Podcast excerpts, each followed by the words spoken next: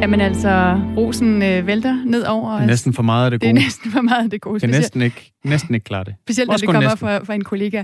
I er velkommen, øh, lyttere, der sidder derude, hvis I, hvis I ikke synes, at øh, vi er så dygtige. Eller hvis vi synes, øh, I synes, vi gør noget øh, godt, så skriv ind til os på 1424. Øh, start jeres besked med R4. Der er en hel del, Christian Magnus, der har kommenteret på det her, du siger med, at det ikke er godt at printe. Ja, ja. og det, jeg må faktisk øh, være svar skyldig på den.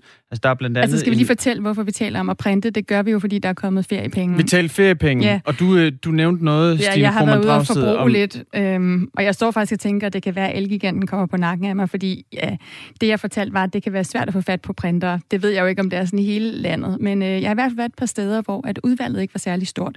Så øh, der er mange, der har, ligesom mig har været ude og, og forbruge lidt, øh, specielt øh, sådan noget som fjernsyner og andre... Øh, ja, el- elektronik ikke? og hårde hvidevarer, men, øh, men der er altså også nogle ting, man bare ikke helt kan få fat på, eller der kan være lang leveringstid på, på grund af corona.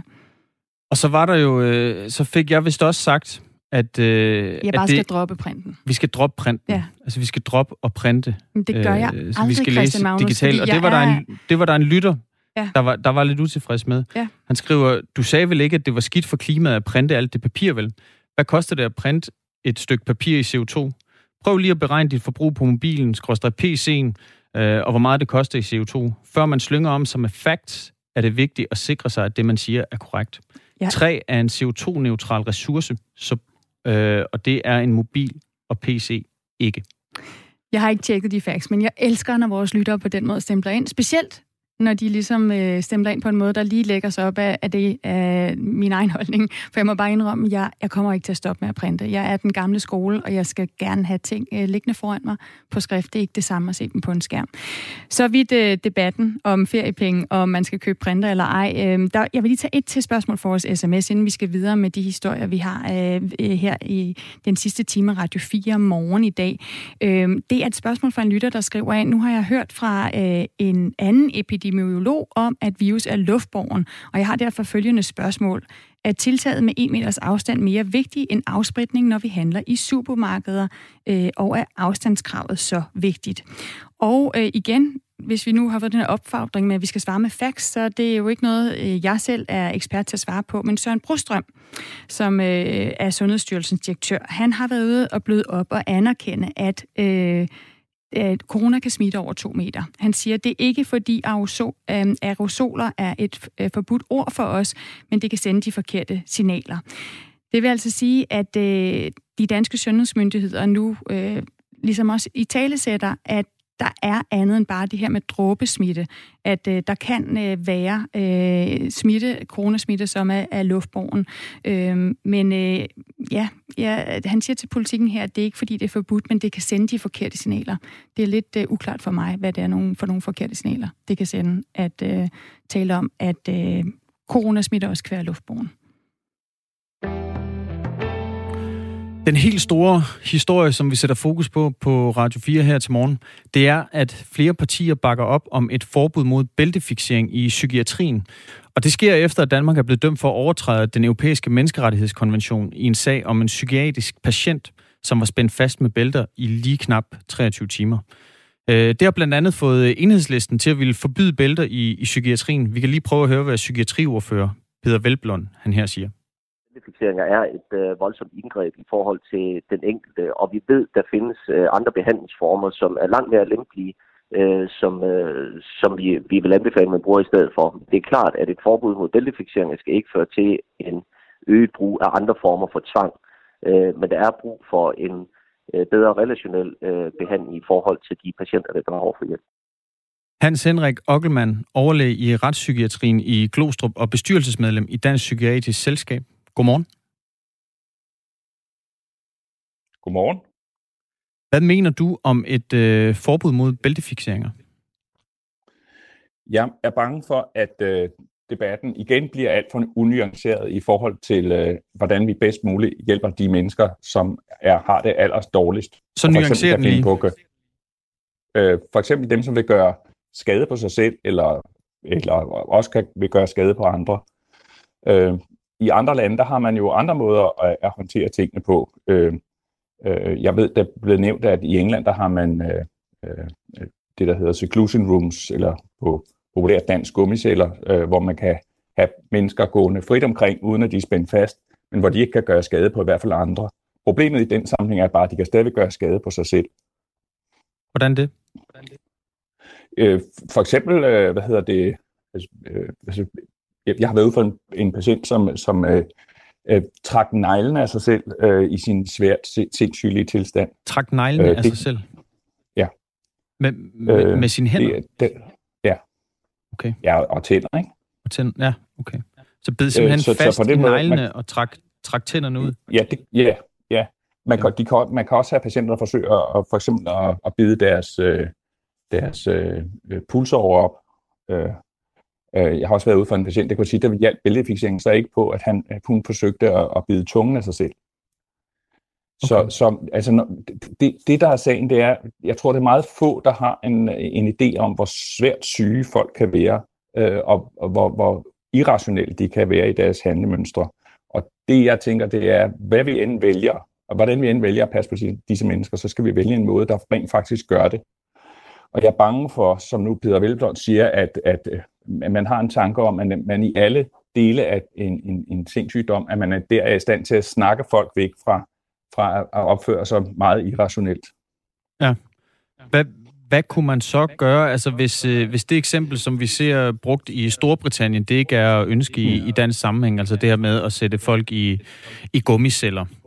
Hvad ja. kan man så I nogle gøre? Sammen, I nogle sammenhæng vil det jo føre til, at øh, personale og medpatienter kommer i fare, hvis, øh, hvis mennesker, der har det så skidt, og for eksempel er udadreagerende, som vi kalder det, altså voldelige, øh, at de får lov til at gå rundt. Vi, vi har jo hele tiden ansvaret for de andre patienter også. En af de måder, man kunne øh, gøre det på, og det er jo også noget af det, man ved fra Norge, det er blandt andet, øh, hvor, hvor, meget, hvor meget og hvor kvalificeret det personale er, der omkring patienten. For det er klart, at øh, øh jeg, jeg synes, det er klart, at jo, jo flere øh, kvalificerede personaler, der er til at håndtere patienten, jo nemmere vil det være at imødegå, at man kommer i den situation, hvor det er nødvendigt at bruge fysiske, fysisk begrænsning af patientens adfærd. Grunden til, at vi taler med dig, det er jo, at øh, Menneskerettighedsdomstolen i Strasbourg den 15. september fastslog, at Danmark har overtrådt forbud mod tortur og umenneskelig behandling i en øh, sag, der hedder Akkerholm mod Danmark.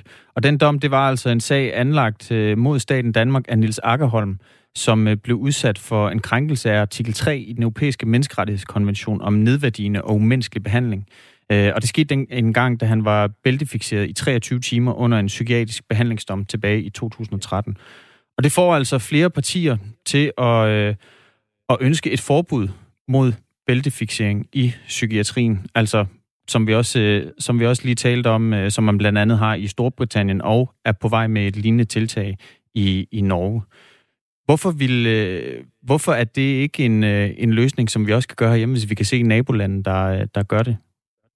Jeg ved heller ikke, om vi ikke, om vi ikke kan gøre det. Altså det vigtigste er i og sig, at vi, vi prøver at kigge, kigge rundt efter, hvilke andre muligheder der er, hvis man virkelig øh, mener, at øh, bæltefixering øh, er det værste, vi kan udsætte mennesker for.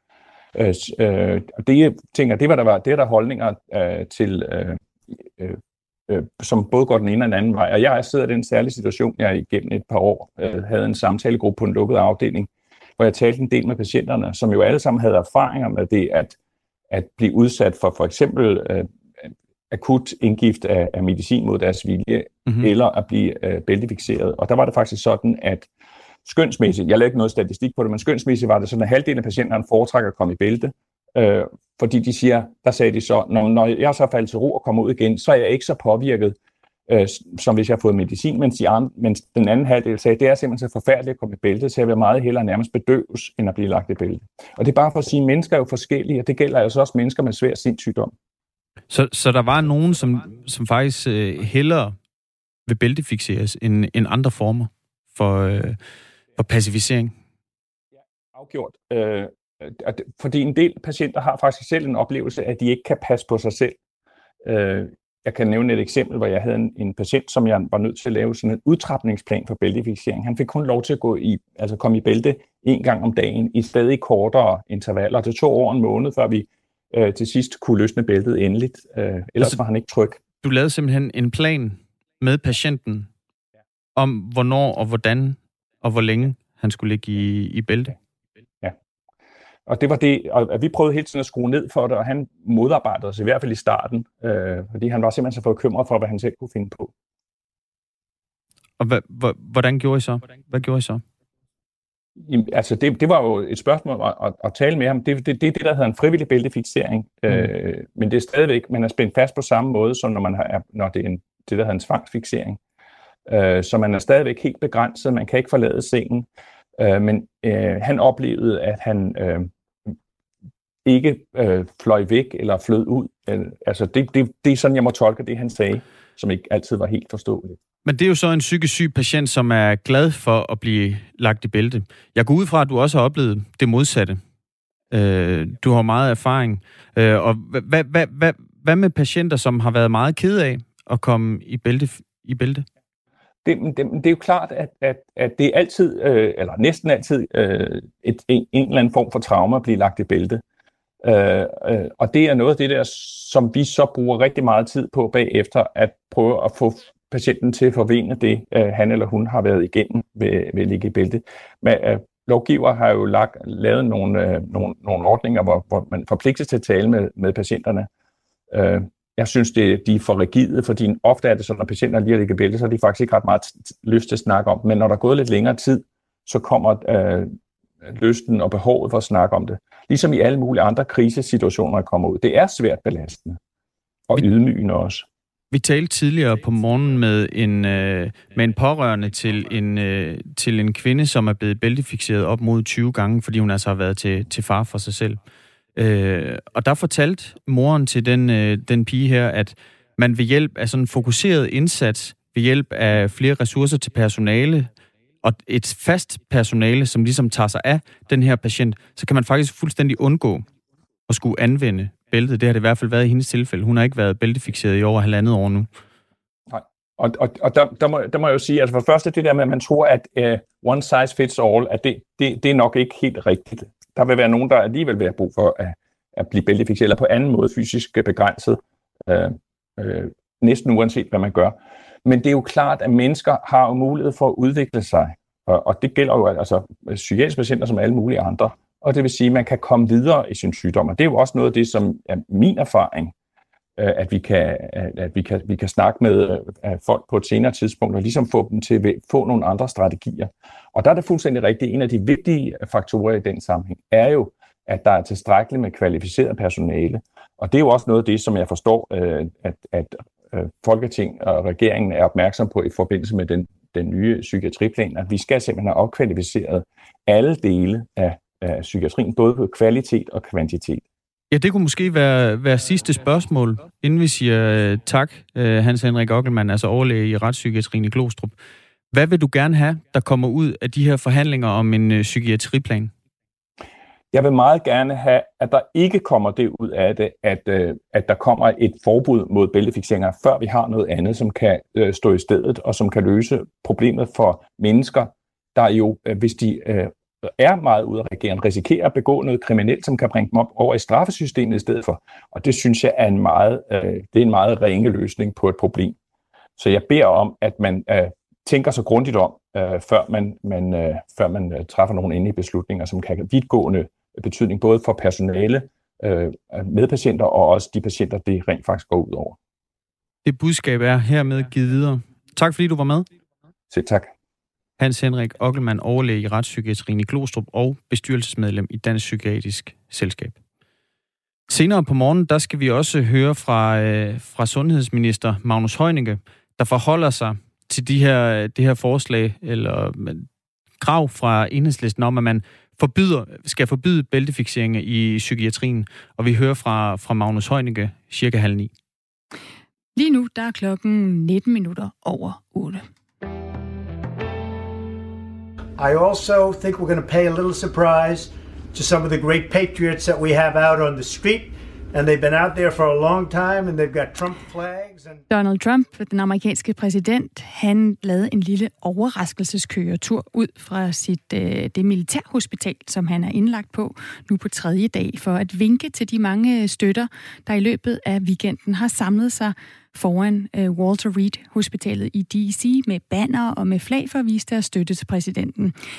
Den her køretur, den kom øh, som slutning på en weekend, der har budt på en del modstridende informationer fra både Trumps læger og hans øh, stabschef om, hvor slem eller god præsidentens tilstand egentlig er. Anne Alling, hun er journalist i USA, og hun er vært på vores øh, program Amerikanske Stemmer her på Radio 4, og hun har talt med en række Trump-vælgere for at høre deres reaktion på præsidentens indlæggelse. Dem skal vi høre fra, men allerførst så skal vi lige få et lille overblik over, hvad vi ved om præsidentens indlæggelse og helbred lige nu.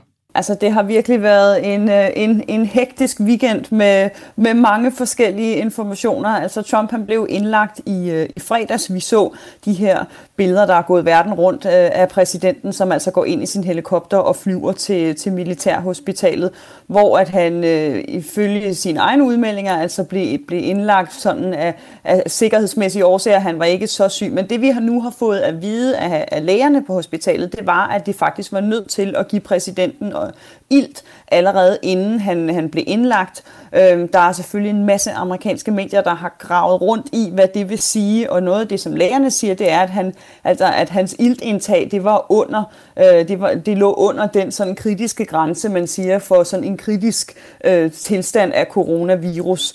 Øhm, og så siden i fredags, jamen, så har han så været indlagt og fået diverse behandlinger, og nogle af dem altså også nogle sådan eksperimentelle behandlinger. Han har blandt andet fået sådan en antistof cocktail, som, som de kalder det, af nogle forskellige stoffer og vitaminer, som ikke endnu er noget, som offentligheden bruger. Det er stadig noget, man ligesom eksperimenterer med, om hvorvidt virker eller ej. Men det har præsidenten altså fået. Han har fået steroider, øh, og han har fået en masse forskellige, altså forskellige øh, medicinske behandlinger, som altså så gjorde, at han her søndag øh, kunne tage denne her køretur, som vi altså hører, øh, hvor præsidenten i hvert fald selv viser og siger i den her video, at han har det meget bedre. De siger nu, at han er, han er feberfri, men der er altså en, øh, man er i tvivl om, hvor meget der har at gøre med, at han ligesom er under behandling, og hvor meget af det, der har med at gøre, at han egentlig er kommet sig.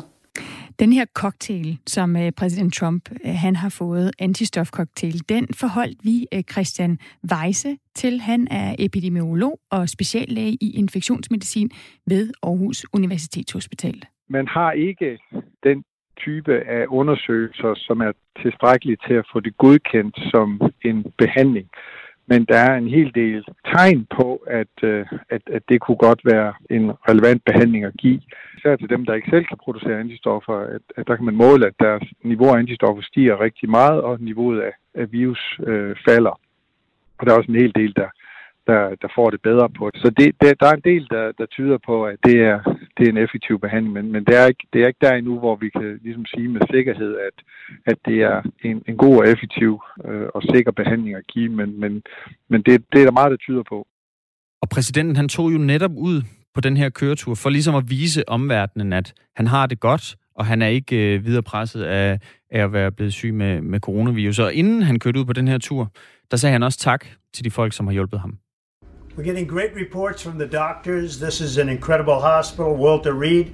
The work they do is just absolutely amazing, and I want to thank them all the nurses, the doctors, everybody here. Ja, han er travlt med at takke lægerne, sygeplejerskerne på Walter Reed, som han siger har gjort et øh, great job. Men hvorfor skulle øh, præsident Trump ud på den her tur? Det er, fordi det er vigtigt øh, at vise sit gode helbred over for befolkningen. Det øh, vurderer Anne Alling, som øh, altså befinder sig i USA og dækker præsidentkampagnen. Det er helt klart, at øh, præsident Trump virkelig har haft travlt med at vise og overbevise befolkningen om, at, at han ikke er i, i kritisk tilstand. Altså, der har jo helt blevet talt om, hvorvidt præsidenten var ved at dø eller ej. Øh, så de her videoer har jo været enormt vigtige. Vi fik også en video lørdag, hvor at præsidenten sad ned, øh, var en smule blegere end, end han var i denne her video, men altså, der har virkelig blevet presset på fra hans side, og det er også noget, som, øh, som man ved fra, fra kilder inden for administrationen, at Trump virkelig har presset på de sidste uger. Man hører fra anonyme kilder, at han har været inde og sige til lægerne, at han simpelthen vil udskrives med det samme, hvor de siger, nu må du lige vente, blive hjemme lidt endnu. Men der er helt sikkert et pres fra administrationen, og selvfølgelig fra Trumps kampagnestab om, at han skal vise befolkningen, at, at, han, er, at han er i bedring og, og snart er, er, er klar igen. Men øh, selvom præsident Trump rigtig gerne vil fortsætte sin kampagne, så skal han tage hensyn til, at han kan udsætte andre folk for smitterisiko. Det mener flere sundhedseksperter. De mener, at den coronasmittede præsident øh, Donald Trump handlede uansvarligt med den køretur, han tog øh, i går søndag. Det skriver de blandt andet på, på Twitter. Det er altså folk, som øh, ikke har været en del af det behandlingsteam, der står bag øh, præsidentens øh, indlæggelse. Sundhedspersonalet og folkene i det hvide hus, de mener, at der selvfølgelig blev taget de nødvendige forholdsregler. Men det tyder altså på, at der er forskellige opfattelser af, hvordan præsidenten ligesom bør, bør takle den her øh, situation. En anden problematik er også, øh, hvis præsidenten skulle blive hen og blive meget syg, øh, så kan det jo være et problem for hans fortsættelse, både af, af kampagne, men også hvis han kigger ind i en eventuel næste præsidentperiode. Anne Alling, hun øh, bor i USA, hun har været på gaden for at tale med nogle af de Trump-supporter, eller Trump-støtter, som er bekymrede for præsidenten. Og hun talte blandt andet med en mand, som hedder Mike Guerin, og han sagde blandt andet sådan her. I, I hope he gets well. That's all I can say because I think it could really alter things. If he, if he gets worse, i think there's a problem. Så for lige at oversætte i store træk, så er Mike her, han er glad for præsidenten, og han ønsker selvfølgelig, at han bliver rask. Men han siger også, at de kan stå over for et stort problem, hvis præsidenten bliver mere syg. Øh, hvis det sker, så skal republikanerne øh, sætte deres lid til Mike Pence, som så i, i så tilfælde ville skulle, øh, skulle tage over, indtil præsidenten er rask igen. Anne Alling, hun, øh, hun mener også, at der hersker en nervøsitet blandt Mike Guren, som vi hørte her, og de, de andre vælgere. Og det er altså en nervøsitet, som omhandler vicepræsident Mike Pence. Jamen, han er nervøs for, at, øh, at hvem der skal tage over. Det er jo noget, man har talt med om her i løbet af weekenden. Ikke hvis man går så langt nødvendigvis, som at Trump dør, men hvis han simpelthen bliver så syg, så han ikke kan passe sit job, jamen så er det jo Mike Pence, der skal tage over. Øh, og hvordan det ligesom vil komme til at se ud i fremtiden for, for os et valg. Øh, og der lyder det, som jeg får at vide, der er man altså nervøs for, at Pence han ligesom ikke har den samme karisma som, øh, som Trump, og der ikke er den samme opbakning til, øh, til vicepræsident Pence, som der er til, til, præsident, øh, til præsident Trump. Trumps stil, det er ligesom denne her frembrusende mand, som går ud og holder rallies, øh, og som er tæt på folk, og det kan godt være, at han, han ligesom sætter sig selv i en, i en fare ved at gøre det rent coronamæssigt, men det er altså også noget, som vælgerne sætter enormt stor pris på, for det er det, som, som Trump er for dem. Han er meget anderledes end Biden, og de ønsker ikke, at han skal være ligesom Biden og holde sig tilbage. Fortalte altså Anne Alling, journalist i, i USA. Og det her, det er helt sikkert en, øh, en udvikling, som vi følger her på, på Radio 4. Vi ved jo blandt andet, at at øh, nuværende præsident Donald Trump, han skal i næste debat med demokraternes kandidat Joe Biden, er det 12. oktober, Uh, Stine. jeg tror, jeg kan faktisk ikke huske, hvornår det er. Om det er, det er øh, inden at den debat kommer, så skal Mike Pence, altså som vi hørte her om, vicepræsidenten, han skal debattere øh, Joe Bidens øh, vicepræsidentkandidat Kamala Harris. Øhm, og, og Mike Pence, han har jo fået testet sig øh, fri for corona. Han siger, at han har i hvert fald fået flere tester, viser, at han øh, indtil videre ikke har corona. Det har demokraternes præsidentkandidat Joe Biden også. Han øh, er igen øh, søndag lokaltid blevet testet negativ for coronavirus. Han fik allerede fredag foretaget to negative test, og det, det gjorde han jo altså, fordi at han har været i nærkontakt med, med Donald Trump. De havde en, en debat her i sidste uge, hvor de jo stod selvfølgelig et stykke fra hinanden, øh, men de stod i meget lang tid i det samme rum. De bare ikke masker. Det var der ført også mange øh, af i publikum, der ikke gjorde. Og øh, der blev jo også øh, talt med store bogstaver, øh, med høje stemmer, og det er noget af det, som vi ved fra eksperterne kan være med til at, at sprede smitten. Will you shut up, man? Det var blandt andet... I hvert fald det, det, det, det der sidder fast hos mig fra, fra den debat. Der... Ja. Kan du huske, hvem der sagde det? Ja, var det ikke øh, Joe Biden? Det var nemlig Joe Biden. Øh, så det er, blevet, øh, ja, det er blevet delt mange gange. Men øh, Joe Biden har altså nu fået tre gange har han fået foretaget en negativ test. Det er ikke sikkert, at han dermed ikke er smittet. Fordi der skal gå forskellige dage, før at øh, man, kan, altså, man kan få symptomer efter, efter flere dage. Der skal faktisk helst øh, gå, øh, ja, øh, skal se her, for at få de rigtige fakta på. Øh, der skal helst gå en hel del dage efter, man har været i kontakt med en, der har øh, corona, før man med sikkerhed kan sige, at man, man ikke selv er, er, er smittet. Vi kan også lige til sidst nævne, at der er jo rigtig mange andre rundt omkring øh, Donald Trump, præsidenten, der er blevet smittet. Blandt andet en anden, hans toprådgiver, Kellyanne Conway, Chris Christie, som er den tidligere guvernør i New Jersey, som hjalp Trump med at forberede sig til den her øh, præsidentdebat. Og også mindst tre senatorer, republikanske senatorer, har meldt ud, at de nu er smittet med corona, og det kan få politisk betydning. Og det kan det jo, fordi Christian Magnus, en ting er præsidentvalget, noget andet, som for mange er endnu vigtigere, det er, at øh, der også skal vælges en højesteretsdommer. Og øh, det kan og noget andet, blive et problem. Der, der er også vigtigt, det er, at nu der er nyheder.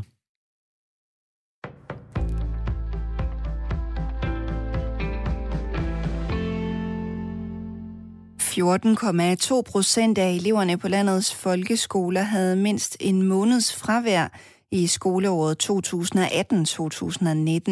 Det viser en ny rapport fra Børns Vilkår og Egmont-fonden, skriver politikken. Det svarer til, at omkring 75.000 elever har været fraværende i over 10 procent af skoleåret. Rapporten bygger på en spørgeskemaundersøgelse blandt 1521 elever, interviews med børn med meget fravær og ny forskning fra det Nationale Forsknings- og Analysecenter for Velfærd, VIVE. Problemet er ikke lige stort i hele landet, viser rapporten. Nogle elever kæmper med et bekymrende... Fra... Nogle kommuner kæmper med et bekymrende fravær blandt en større andel af eleverne. For eksempel så havde 27 procent af eleverne i Lolland Kommune og Brøndby Kommune mindst 20 dages fravær på et skoleår. Omvendt så gælder det kun 6 procent af eleverne i Herning Kommune. Det er utroligt trist, at der er så mange børn, der ikke får den undervisning, siger Rasmus Kjeldahl, der er direktør i Børns Vilkår.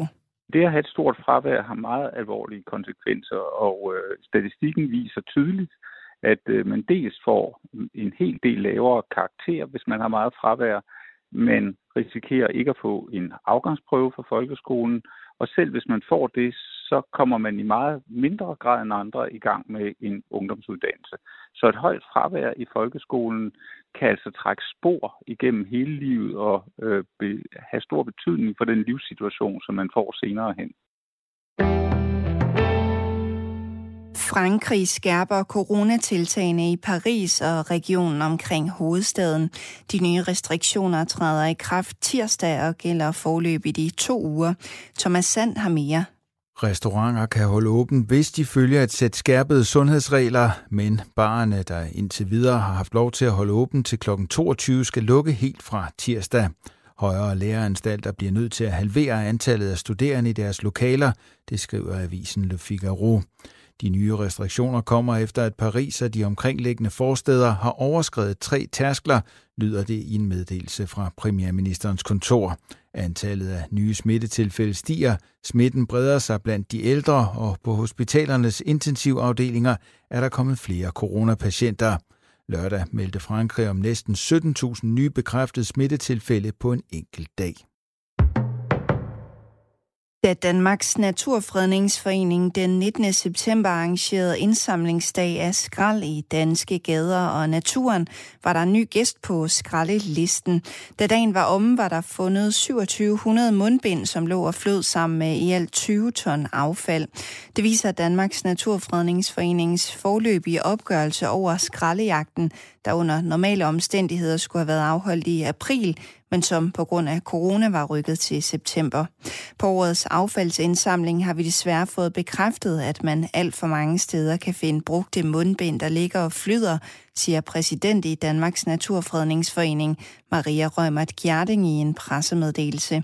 Danmarks Naturfredningsforening frygter, at mundbindene kan gøre skade på miljø og dyreliv. Først på dagen i dag får vi tørt vejr med en del sol, men efterhånden bliver det mere skyet, og ud på eftermiddagen får den sydlige del af landet regn eller byer, der kan blive kraftigere, måske med torden. Temperatur mellem 14 og 17 grader og let til frisk vind. Jeg hedder Signe Ribergaard Rasmussen, og det var, hvad jeg havde af nyheder i den her omgang.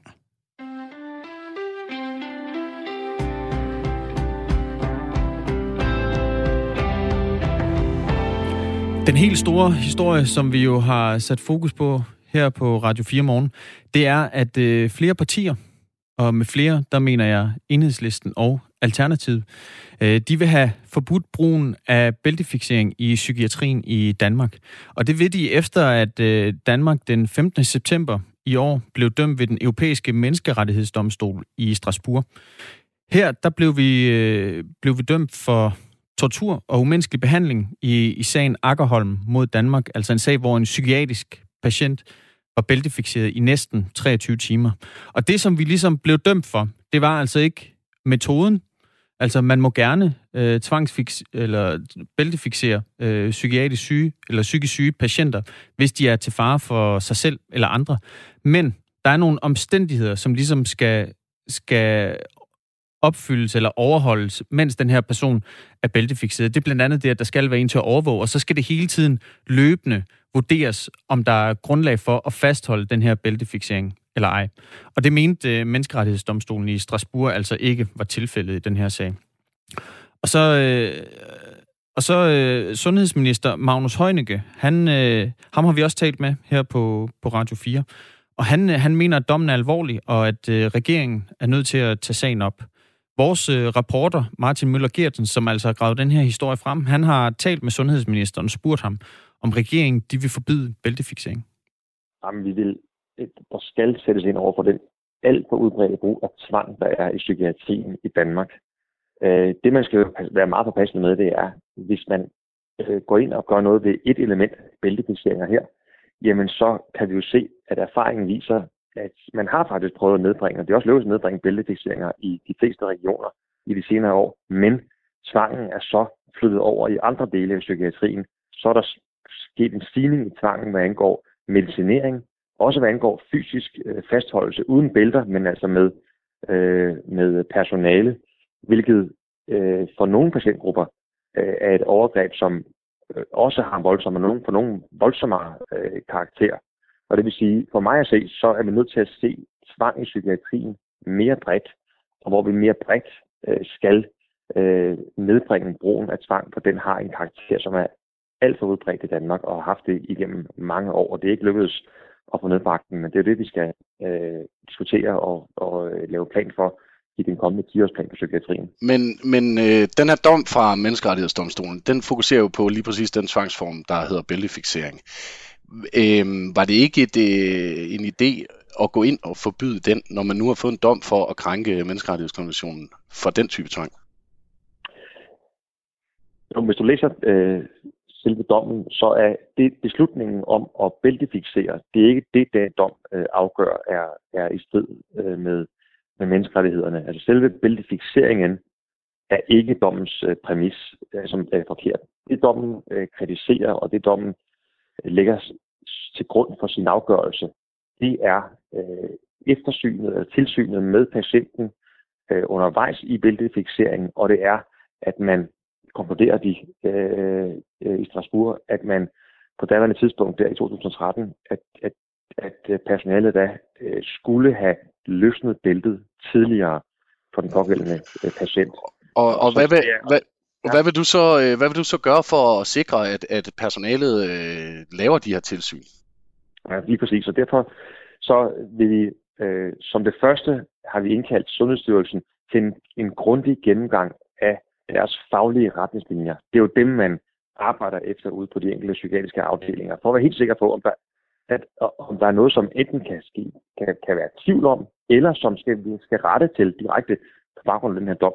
Og det andet, vi så vil gøre, det er juridisk gennemgå øh, vores øh, lovgivning for at se, øh, er der noget, vi skal ændre i selve lovteksten i lovgivningen for at sikre, at vi øh, lever op til, til den her dom. Og derfor er det noget, vi tager meget alvorligt. For naturligvis skal man det, når man som land øh, får sådan en dom her. Sagen ligger lang tid tilbage, men vi skal jo være stensikre på, at det ikke gentager sig. Ja, fordi øh, jeg har også talt med advokaten, der førte den her sag Akkerholm mod Danmark, han hedder Tobias Jensen. Øh, og ifølge ham, så er det vigtigt, øh, at Danmark sørger for, at der ikke sker øh, sådan nogle, øh, altså sådan nogle bæltefixeringer igen. Øh, han siger sådan her.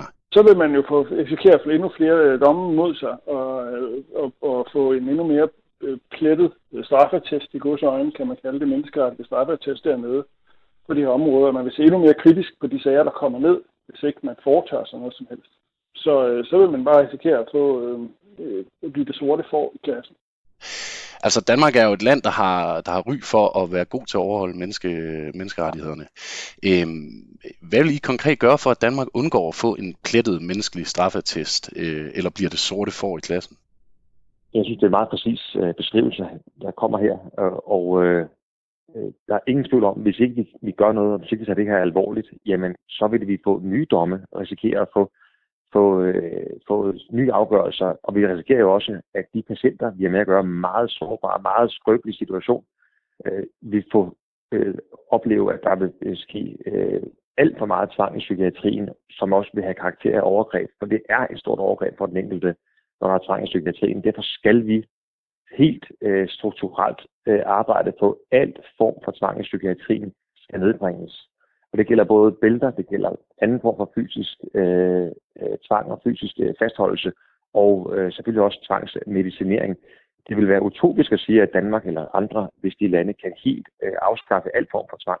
Men det foregår i Danmark på en måde, som er, kan vi jo bare se, når vi sammenligner med andre lande, så, så har det et, et omfang, som er for stort, som er for voldsomt, og som for mig at se er en, er, er, har mange årsager, men, men hænger meget tæt sammen med en meget, meget presset psykiatri. Så derfor så er det her noget, vi tager alvorligt, og at vil være parat til os at ændre lovgivning og faglige retningslinjer, og konkret jo udbygge de øh, pladser øh, på sikringen, som jo i dag står og, og, og, øh, og, og, og skaber kø, og det vil sige skaber de her lange, lange fastholdelser sagde altså sundhedsminister Magnus Heunicke, som altså ikke er klar til at forbyde bæltefixeringer.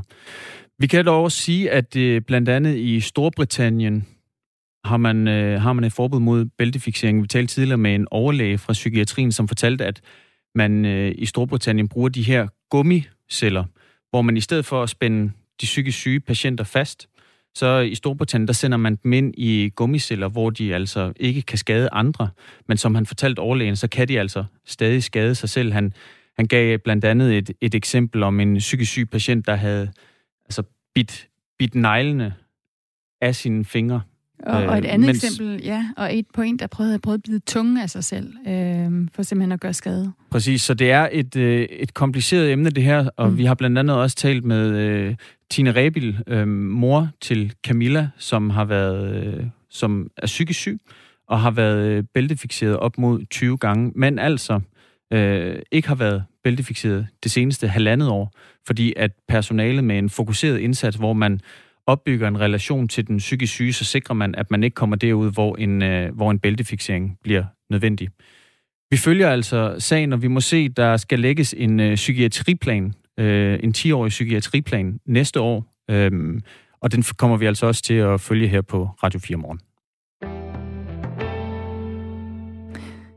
En anden ting, vi følger, det er selvfølgelig coronavirus, øh, også selvom at øh, det kan hænge rigtig mange af os ud af halsen, så er det altså noget, der påvirker vores liv og vores samfund. Og derfor er det også vigtigt, øh, når der kommer øh, nye fakta på, om hvordan coronavirus egentlig opfører sig.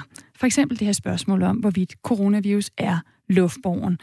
Vi fik et spørgsmål øh, lidt tidligere fra en lytter, som jeg lige øh, kan tage fat i igen. Altså, Øh, ja, der er en, der skriver ind, jeg har tidligere hørt en epidemiolog udtale, at virus er luftborgen, og jeg har derfor flere spørgsmål. Er tiltaget med 1 meters afstand mere vigtigt end afspritning, når vi handler i supermarkeder, og er afstandskravet så vigtigt? Der er også en anden lytter, der har skrevet ind, at øh, vi har fat i noget virkelig vigtigt her. I har tidligere haft en biolog inde med samme oplysning, men den oplysning døde ligesom ud, spørgsmålstegn. Den er så ikke dødt helt ud, øh, eller øh, helt uddød, øh, fordi øh, det er faktisk sådan, at Søren Brostrøm, Sundhedsstyrelsens direktør, han blev i går i et interview i Politiken spurgt ind til det her med, om coronavirus kan være luftborgen. Og der sagde han...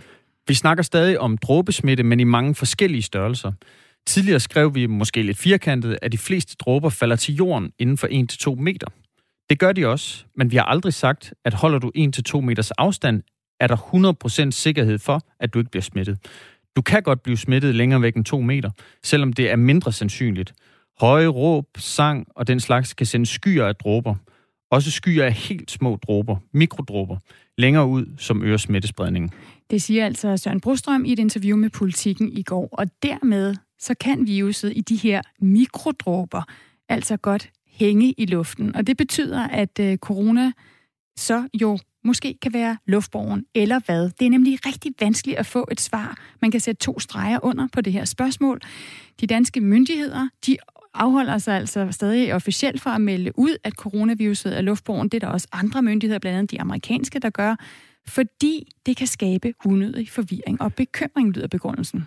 Og jeg kan faktisk huske for en uge eller to uger siden, der havde vi en historie fra CDC, altså Center for Disease Control i, i USA, hvad, hvad vil man kalde det, Sundheds, den amerikanske sundhedsstyrelse, øhm, som var ude, som ved en fejl kom til at offentliggøre på deres hjemmeside nogle, øh, nogle punkter, hvor der blandt andet stod, at, øh, at COVID-19, altså coronavirus, var luftborn. Øh, men den trak de tilbage lynhurtigt, fordi der blev stillet alle mulige spørgsmål i den forbindelse. Det opslag, det blev fjernet igen. Ja, og begrundelsen er, i USA, i Danmark, at det kan virke forvirrende på befolkningen, øh, at øh, man går ud og melder ud, at den her virus er luftborgen. Og øh, derfor så er det altså ikke noget, man gør. Men, men det kan man ikke lade være med. Det mener øh, en lang række, for, lang, lang række forskere, 239 forskere har helt tilbage fra juni måned øh, skrevet under på et brev, som de har sendt til Verdenssundhedsorganisationen WHO, hvor de siger, at øh, corona skal anerkendes som en luftborn sygdom. Og øh, vi har faktisk talt med en af dem, Torben Sisgaard, som er Ph.D. og professor ved Institut for Folkesundhed på Aarhus Universitet. Han er en af de her underskrivere til brevet, og han øh, sagde sådan her tidligere på måneden. Hvis man skal, man skal gøre det, øh, lave den rigtige forebyggelse, er det vigtigt, at man ved, hvad det er, man skal forebygge, og hvor man skal forebygge, hvor man skal sætte ind. Og det er øh, den viden, at virus er luftforan medfører, det er, at vi skal sørge for, at der også er en god ventilation, specielt når der er mange mennesker samlet i, øh, i altså tæt samlet. Øh, så at mundbind og øh, afspritning og afstand rigtig fint, men en, en ekstra, et ekstra tiltag ville være øh, og vil være, at man sørger for god ventilation. Sådan siger altså Torben Sisgaard, der underskrev på det her brev, der blev sendt i juni, og det var i september, at, at vi her på Radio 4 Morgen snakkede med ham. Og han peger altså på, øh, på det, som Søren Brostrøm også nu peger på, at man skal lufte ud. Han mener dog stadigvæk, at øh, der er tiltag, som er vigtigere end at lufte ud. Søren Brostrøm han forklarer, at holder man en meters afstand til en smitte, så reducerer man risikoen for smitte til en femtedel. Efter to meter er den yderligere reduceret, men særlige indendørs forhold med dårlig luftskifte og luftkvalitet, eller risikomomenter som råb og sang, kan få dråberne til at hænge længere i luften. Torben Sisgaard, som Ph.D. og professor ved Institut for Folkesundhed på Aarhus Universitet, han fremhævede altså under vores interview i september, altså vigtigheden af at lufte ud. Fordi hvis de her mikrodråber, de hænger i luften længe, så er det jo vigtigt at få noget gennemtræk, således at man mindsker andelen af, af smittespredning. Det er et supplement til det, vi, øh, vi hele tiden, eller som Sundhedsstyrelsen hele tiden har sagt, sørg for god afstand, øh, sørg for god håndhygiejne, brug mundbind, når der er mange til stede, og, og øh, så siger vi, supplementet er, at man sørger for, at der er et godt luftskifte der, hvor der er mange til stede. Øh, ellers så kan der komme den her ekstra øh, risiko for, for infektion længere væk fra indekspersonen. Også direktøren i Sundhedsstyrelsen, Søren Brostrøm, anerkender nu, at forklaringerne skal være mere klare. Og derfor så siger han sådan her til politikken. Derfor er vores nye pragmatiske anbefaling, at har du siddet 45 minutter i samme lokale, så er det en god idé at rejse sig og forlade rummet, så der skabes luftcirkulation, mens du lufter godt ud, da det reducerer tætheden af partikler, der kan indeholde virus. Luftkvalitet, luftskifte, ventilation og filtrering.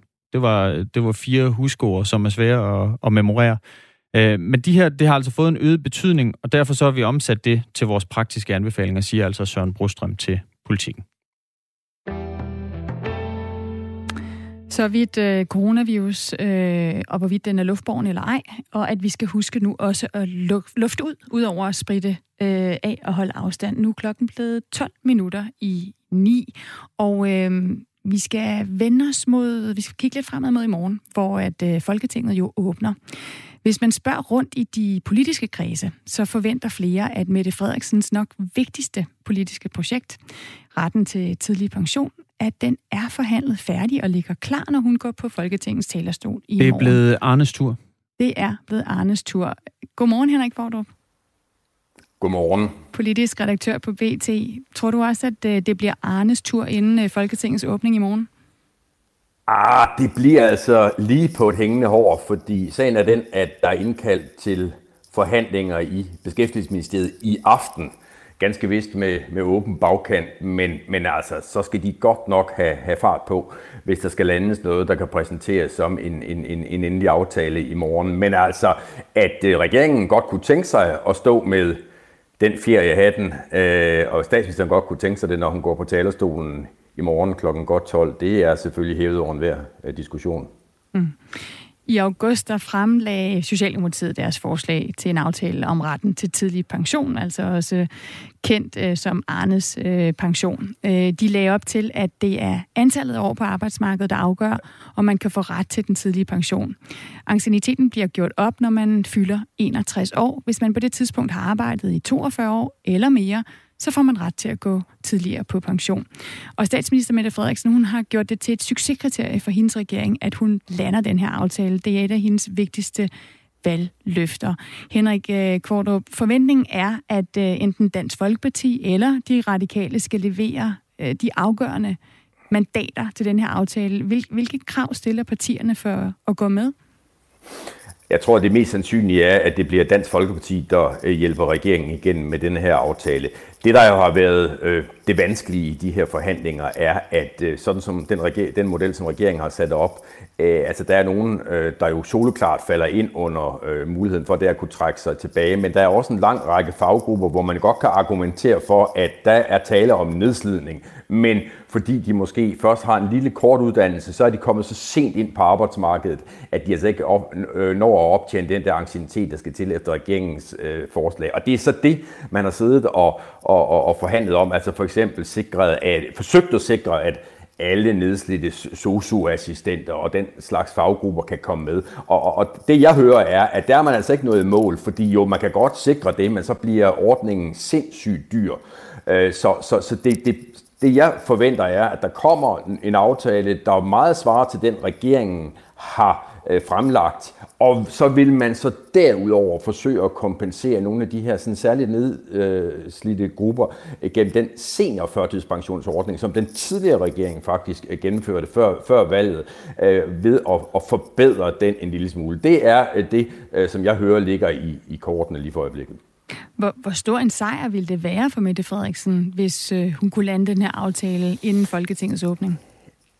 Jamen altså, der er noget, der hedder uh, nice to have, og så er der noget, der hedder need to have, og, og, og i, for Mette Frederiksen er vi klart i den sidste kategori uh, i forhold til Arne-aftalen. Man kan sige, om det bliver i morgen, eller det bliver senere på ugen, det betyder måske lidt mindre, men forestillingen om, at Mette Frederiksen skulle gå ud og sige, at det her lykkedes ikke, det ville være en, en politisk katastrofe for hende. Så det her skal landes, og sådan som det ser ud for øjeblikket, så bliver det også landet. Mm. Så er det altså i morgen, at, øh, at Folketinget åbner. Øh, Henrik Kvartrup, hvad, hvad vil du have specielt, holde specielt øje med i morgen? Jo, men det bliver jo på mange måder en, en speciel øh, åbningsdag, fordi øh, det, det er den første gang, Folketinget åbner sådan officielt e, efter øh, coronaforløbet, øh, og, og det har jo coronaforløbet i den grad sat sit præg på alt øh, i dansk politik de seneste 7-8 måneder, og, og det, jeg forventer også, at det bliver en stor del af den øh, åbningstale, som øh, statsministeren øh, leverer i morgen. Altså, øh, det har jo været det alt overskyggende emne, og det er klart, det som regeringen nu skal til at, at forholde sig til, det er jo tiden ikke at vi er ude over coronaen, men alligevel tiden efter coronaen, altså den tid, hvor vi på en eller anden måde skal til at, at, at gøre boet op og sige, okay, hvor meget kostede den her indsats mod coronaen, og så, og hvilket, øh, hvilken effekt, øh, hvilken betydning får det så for den politik, der i øvrigt skal føres. Det må vi forvente, at statsministeren på en eller anden måde øh, adresserer i morgen i sin, øh, i sin åbningstale. Mm. Og så lige til sidst, Henrik Fordrup, altså politisk øh, Øh, nej, undskyld, nu skal jeg til at kalde dig politisk kommentator på Ekstrabladet. Det er du jo ikke mere. Du er politisk redaktør på BT. Øh, Henrik Fordrup, øh, der er en ting af de her forhandlinger om, om øh, Arnes pension, som vi kan kalde det, altså tidlig tilbagetrækning, som måske, måske ikke når at falde på plads. Hvad ser du ellers som de store knaster på den anden side af Folketingets åbning? Er det øh, klimaforhandlinger? Det er, Ja, det er det. Det er klimaforhandlingerne, og, og dermed finansloven. Altså, de radikale er jo virkelig vrede på regeringen. Det er de øvrige støttepartier sådan set også, men de radikale er det i, i, i særlig grad vrede over, at de synes, det, som regeringen har præsenteret på klimaområdet, er helt utilstrækkeligt.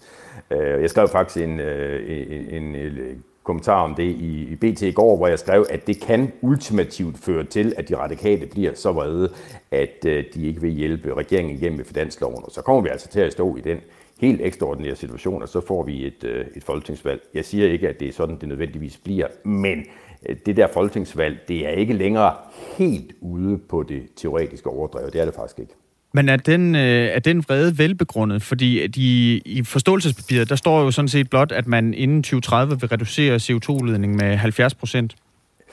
Der står ikke, ja, hvornår altså, man skal det, blive enige om det det er jo en smagsag, om det er velbegrundet eller ej. Jeg kan bare konstatere, at øh, de radikale er sindssygt vrede og, og synes, det er lige lovligt smart af regeringen at slå ud varmen og sige, ja, vi finder på noget, når, når klokken er 5 minutter i 2020, eller i 20, 5 minutter i 2030, og så må I ligesom have noget tålmodighed inden da. Det er øh, de radikale og, og med dem, de øvrige støttepartier, bestemt ikke tilfredse med.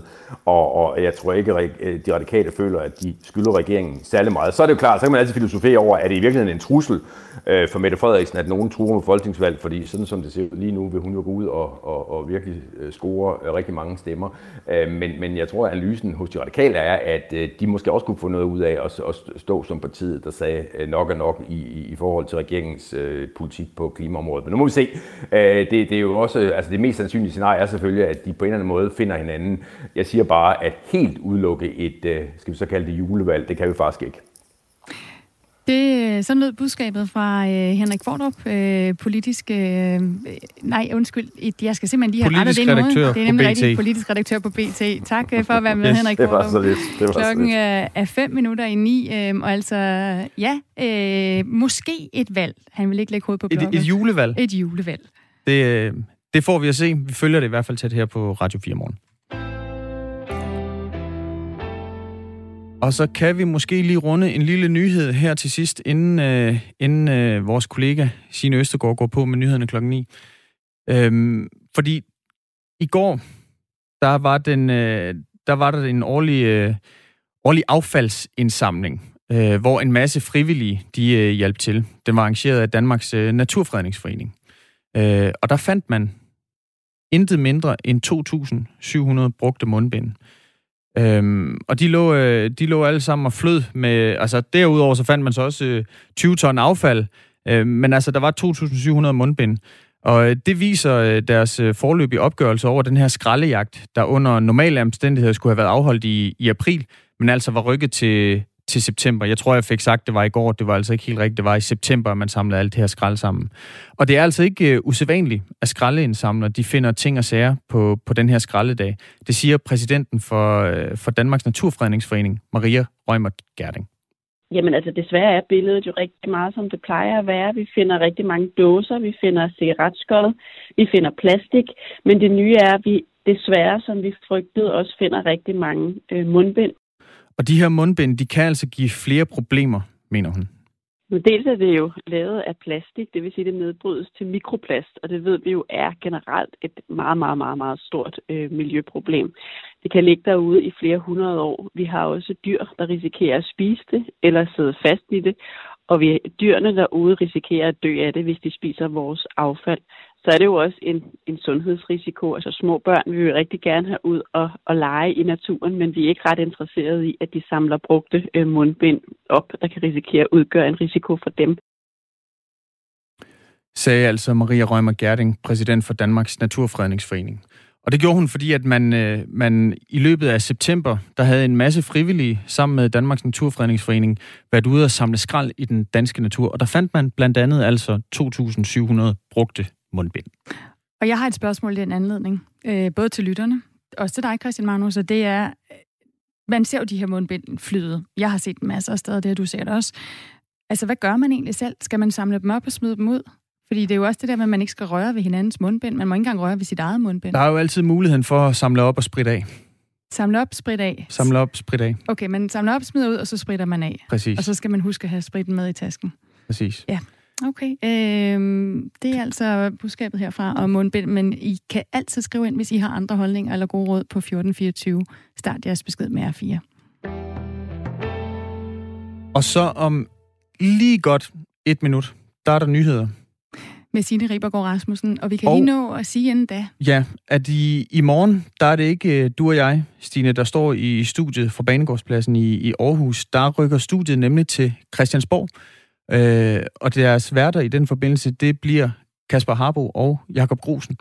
Og så har vi altså også øh, en masse rapporter, som render rundt på Christiansborgs gange i løbet af i morgen og taler med politikere. Det gør de altså, fordi at Folketinget jo i morgen åbner, tager hul på en ny politisk sæson. Så derfor så sender Radio 4 morgen altså tre timer fra 6 til 9 i morgen fra, fra Christiansborg. Og øh, selvom at øh, der er mange eksperter, der vurderer, at Mette Frederiksen hun står ret stærkt som statsminister inden den her øh, åbning. Det tror jeg ikke bare, det er mange eksperter, det er der også mange meningsmålinger. Ja, der viser. Der viser ja. så, øh, så har vi jo lige fået et, et, øh, et indspark fra Henrik Kvartrup, øh, politisk redaktør på BT, som vi havde igennem, som siger, at der kan være en risiko for et julevalg, fordi øh, de, blandt andet de radikale er lidt utilfredse. Meget skal gå galt inden da. Nu er der nyheder.